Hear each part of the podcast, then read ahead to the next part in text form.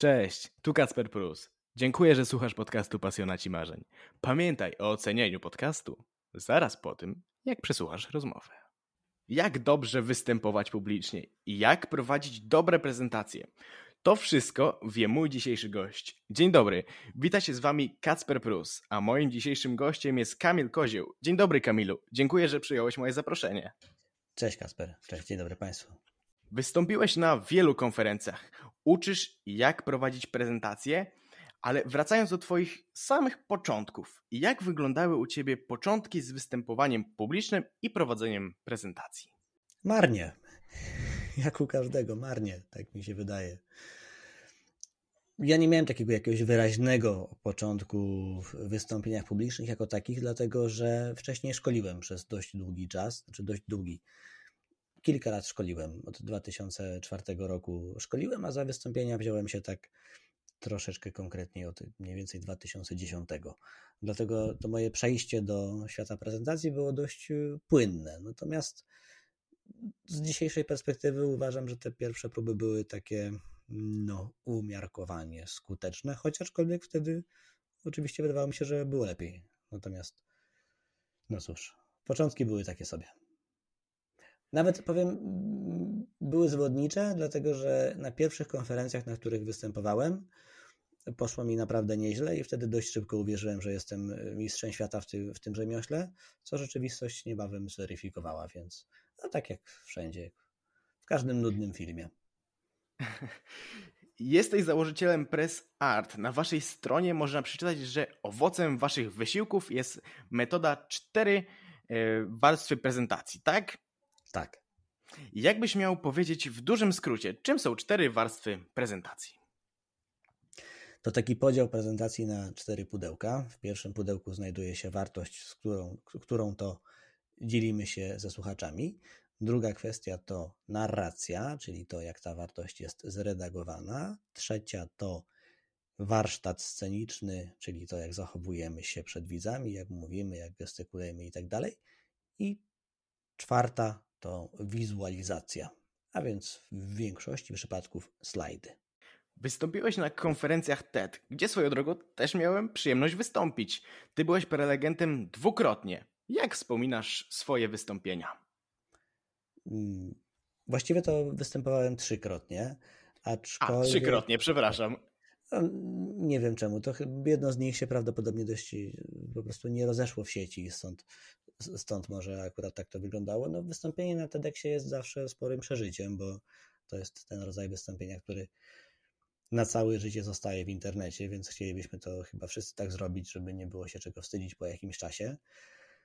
Każde wystąpienie na TEDzie to, czy na TEDxie, na TEDzie przypuszczam, że jeszcze bardziej to gargantuiczny stres, oczywiście godziny przygotowań i, i, i spore przeżycie, aczkolwiek każde z nich wspominam dobrze. W sensie nie żałuję tego, że, że wystąpiłem za, na, na żadnym z nich. Być może na jednym z tych trzech zmieniłbym tytuł, bo wystąpienie chyba by nie było takie złe, natomiast, natomiast mój nerdowski umysł kazał mi dać tytuł, nadać tytuł temu wystąpieniu, którym, którym absolutnie nikt się nie przejmował. Więc tak. Nawiązując właśnie do konferencji TED i TEDx, jakie są Twoim zdaniem główne powody, e, dlaczego konferencje TED osiągnęły tak wielki sukces na całym świecie? Są tak bardzo rozpoznawalne i mówi się, że tam występują najlepsi mówcy. Historia w ogóle samego TEDa jest dość długa, natomiast chyba przepis jest dość prosty. Zapraszaj bardzo mądrych ludzi, a następnie przygotuj ich tak, żeby poradzili sobie na scenie. To taka jakby banalna receptura, ale po prostu przez tego TEDa od wielu, wielu lat pielęgnowana i myślę, że właśnie dlatego tak bardzo doceniamy te prezentacje i te, te, te w ogóle te wystąpienia, dlatego że w ogóle idea samego TEDa wzięła się od Technology Entertainment Design, czyli od trzech głównych rzeczy, od których, y, od, od których ta konferencja się rozpoczęła, trzech jakby powiedzieć filarów. Natomiast jest to chyba po prostu pomieszanie dwóch elementów. Niebywale dobrej wartości merytorycznej, a także przystępnej formy. I zazwyczaj mamy co najwyżej jedną z tych dwóch rzeczy i też nie zawsze, a oni od długiego, długiego czasu dowożą jedno i drugie, więc to chyba konsekwencja. Co uważasz za najczęściej popełniany błąd właśnie w takich prezentacjach? Co bym powiedział, że jest takim najczęściej spotykanym błędem? Brak struktury wystąpienia. Ludzie rzadko biorą pod uwagę to, że musi być sensowna zachęta we wstępie, logiczna i emocjonalna argumentacja w środku i niezłe streszczenie na koniec wezwaniem do działania. I to jest największy problem, że ludzie po prostu nie przygotowują struktury wystąpień, a potem cała reszta nie ma sensu. Masz jakieś takie wystąpienie, e, które utkwiło ci najbardziej w pamięć, które jakby najlepiej wspominasz i jakie to właśnie ono jest? Masz jakieś takie? Ale masz na myśli moje wystąpienie, czy czyjeś wystąpienie? Twoje, twoje. Nie wiem, czy jest jakieś takie jedno, co do którego bym się nie przyczepił. Ja mam raczej taką manierę, że się przyczepiam do każdego wystąpienia. Nieważne, czy ono było przeciętne, dobre, czy bardzo dobre, to, to do każdego się, się, się czepiam. Całkiem zadowolony byłem z dość spontanicznego wystąpienia na TEDxie w Katowicach, czyli jak nie robić prezentacji, które mogłyby być mailem. Było w miarę udane wystąpienie. Byłem bardzo zadowolony z jednego wystąpienia na konferencji InfoShare w 2017 roku, gdzie w sumie mm, chyba to było najlepiej ocenione wystąpienie, wystąpienie jakie kiedykolwiek y, miałem. Ono się w ogóle miało nie odbyć i to jakby pokazuje, że czasem nie wiemy, gdzie się y, czają nasze najlepsze, najlepsze prezentacje, nasze najlepsze momenty. I tak, te, te chyba dwa bym wskazał. Jedno z nich niestety ten InfoShare nie jest dostępny publicznie, więc, więc trudno byłoby mi się do niego odnieść, nie przywołując od razu całej treści wystąpienia, co prawdopodobnie znudziłoby absolutnie wszystkich słuchaczy, więc, więc nie mam chyba takiego jednego, które bym powiedział, o, to było to najdoskonalsze, jedyne, na które czekałem. Mam nadzieję, że to jeszcze przede mną, ale z tych dostępnych w internecie całkiem przyzwoite jest właśnie to jak nie robić prezentacji, które mogłyby być mailem. Drugie, bardzo spontaniczne, które łamie wiele w ogóle reguł wystąpień publicznych, ale, ale też nieźle odebrane, to wystąpienie Żadna Prawda nie może stanąć na drodze dobrej historii na konferencji Influencers Live Wrocław. Tak, to są takie, które bym wskazał do obejrzenia. Polecamy i zachęcamy właśnie do obejrzenia. Jakie masz największe marzenia zawodowe? Jakie są Twoim zdaniem trzy najważniejsze rzeczy podczas prezentacji? Tak, myślę, że określanie potrzeb odbiorców, czy w ogóle opis odbiorców pomaga nam dopasować treści, czyli to chyba jest punkt, bez którego trudno jest zacząć. Następnie ułożenie sensownej narracji, dobrze by było zrozumiałej, ciekawej, zabawnej. I trzecia kwestia, którą bym tutaj wstawił jako, jako mm, podstawowa, to niewystępowanie ze slajdumentami, czyli niewystępowanie z takimi slajdami, które odciągają uwagę widza od prelegenta. A jakie Twoim zdaniem są najważniejsze cechy dobrego mówcy? Ja mam jedną tutaj e, radę pod tym względem, czy jedną nie wiem czy radę, ale taką jedną obserwację. Moim zdaniem dobry mówca przede wszystkim powinien być specjalistą, ekspertem, powinien wiedzieć, e, znać się na materii, o której, o której dyskutuje. A cała reszta chyba nie ma czegoś takiego jak uniwersalne cechy mówcy. Oczywiście możemy mówić tutaj o jakiejś tam pewności siebie, o zwinności retorycznej, o tej takiej nienamacalnej charyzmie, ale to wszystko są jakieś rzeczy, które które łatwo podważyć. Natomiast przede wszystkim ja jestem takim, ja jestem zdania, że no, scena powinna należeć do ekspertów. Więc moim zdaniem dobry mówca to przede wszystkim taki, który wie o czym mówi. Czy Twoim zdaniem umiejętność dobrego przemawiania można wykorzystać w każdej sytuacji, zarówno przed znajomymi, jak i na przykład przed całym narodem, jeśli pełni się taką funkcję? Nie no, pewnie można wykorzystać w wielu sytuacjach. Nie ograniczałbym tego do jakiejś jednej dziedziny wystąpienia czy prezentacji. W ogóle retoryka jest to coś, co przydaje się w każdej sytuacji, więc tak, myślę, że tak. Chciałbyś wystąpić jeszcze raz na konferencji TEDx? A jeśli tak, to o czym by było Twoje wystąpienie? Chwilowo nie mam jakiegoś takiego parcia na kolejnego TEDxa. Myślę, że następne będzie dotyczyło czegoś związanego z ekonomią behawioralną, którą to teraz się od jakiegoś czasu trudnie, ale chwilowo nie mam jakiegoś takiego parcia, że muszę stanąć znowu na, na, na, na tej, w tej czerwonej kropeczce i wystąpić. Tym bardziej, że zupełnie dobrze realizuję się w roli kuratora, czyli po prostu osoby, która dobiera występujących. Chwilowo, chwilowo nie planuję. Mam jeszcze takie pytanie do Ciebie e, właśnie odnośnie tych początków, ale jeśli ktoś chce zacząć właśnie e, występować, podchodzi do Ciebie osoba, która nigdy nie występowała publicznie, a jeśli już, to przychodziło jej to z dużym trudem, jednak postanowiła, że chce zacząć swoją przygodę z występowaniem i prezentacjami. Co byś jej powiedział na sam początek?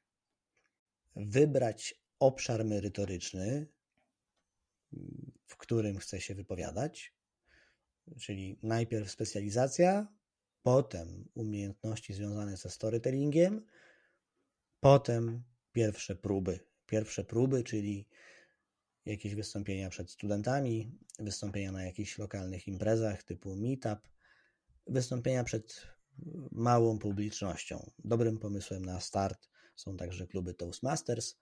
Wszystkie miejsca, w których po prostu można się, można się w tym rzemiośle ćwiczyć ale przede wszystkim mała publiczność na start i mocna warstwa merytoryczna.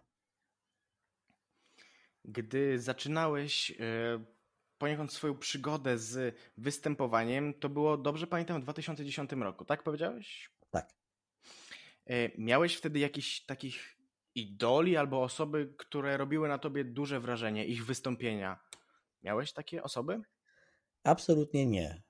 Ja przez kilka lat prowadziłem wykłady i to był taki moment, gdzie wykłady, e, szkolenia, różnego rodzaju ćwiczenia związane raczej z takim prostym IT i po prostu po kilku latach y, no miałem wrażenie, że nie chcę tego robić do końca życia. Prowadziłem firmę w tym zakresie, więc z własnej firmy znacznie trudniej się zwolnić niż z etatu, wbrew pozorom w związku z czym szukałem jakiegoś innego zajęcia, w którym bym się mógł y, zrealizować i po prostu wchodziłem w ten świat, który był dla mnie niemal dziewiczy. Absolutnie nie znałem żadnych wzorców, wyznaczników, wręcz ludzie, z którymi się na początku spotykałem i, i, i gdzieś tam próbowałem się od nich uczyć, czy też, nie wiem, dyskutowałem na, na różne tematy związane z wystąpieniami, wręcz byli oburzeni, że nie znam jakichś takich wielkich nazwisk.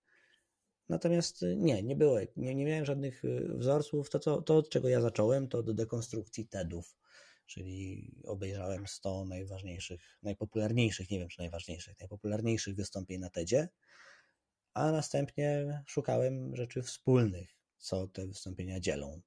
I wydawało mi się, że to będzie prosty eksperyment, który zajmie no, kilka tygodni maksymalnie. Okazało się, że do pierwszych w miarę sensownych wniosków dało się dojść po jakichś trzech latach, pewnie dało się dojść szybciej. Ja doszedłem po jakichś trzech latach, także nie miałem żadnego y, wzorca, aczkolwiek w, w miarę przebiegu tych, w miarę oglądania tych y, TEDów, w miarę wyszukiwania informacji, te postacie się oczywiście pojawiały. Do dziś uważam, że jednym z najlepszych wystąpień na świecie jest y, jest Szkoły zabijają kreatywność Kena Robinsona. Dalej uważam, że Hans Rosling, Box by Box to wystąpienie, które każdy powinien obejrzeć. I, i, i no, myślę, że całkiem e, ciekawe wystąpienie. To jest absolutnie moja ulubiona prezentacja, ale pewnie nie każdy będzie podzielał ten, e, ten punkt widzenia. To jest Seth Godin, This is Broken. Seth Godin, This is Broken to jest coś takiego, co polecałbym każdemu. Chciałbyś kiedyś poprowadzić e, swój program w telewizji? Nie wiem, czy bym się w tym sprawdził, nie wiem, czy bym chciał. Prowadziłem całkiem niedawno teleturniej, co prawda YouTube'owy, skierowany dla programistów. Podobała mi się ta rola, ale czy to jest coś, co, do czego chciałbym dążyć, to, to nie wiem. Prowadziłem ostatnio programistę Stoka, czyli takie połączenie familiady i milionerów dla programistów.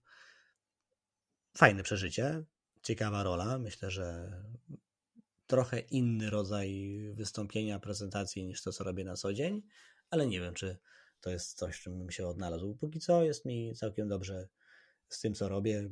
Lubię swoją pracę. Mam wrażenie, że raz na jakiś czas jest nawet pożyteczna, w związku z czym nie planuję, jakby to powiedzieli koledzy ze sceny startupowej, pivotu swojej własnej drogi zawodowej na razie. Na zakończenie takie e, nieco inne pytanie. Masz do dyspozycji w jednym momencie wszystkie billboardy świata. Co byś chciał na nich przekazać? Zakończyć wojnę z Ukrainą. Bardzo ważne przesłanie, szczególnie w tym czasie, gdy jesteśmy niecały tydzień po, mm, po wybuchu tej wojny. W ten sposób dotarliśmy do końca naszej rozmowy. Dziękuję Tobie za rozmowę, a słuchaczom za wysłuchanie. Dziękuję bardzo.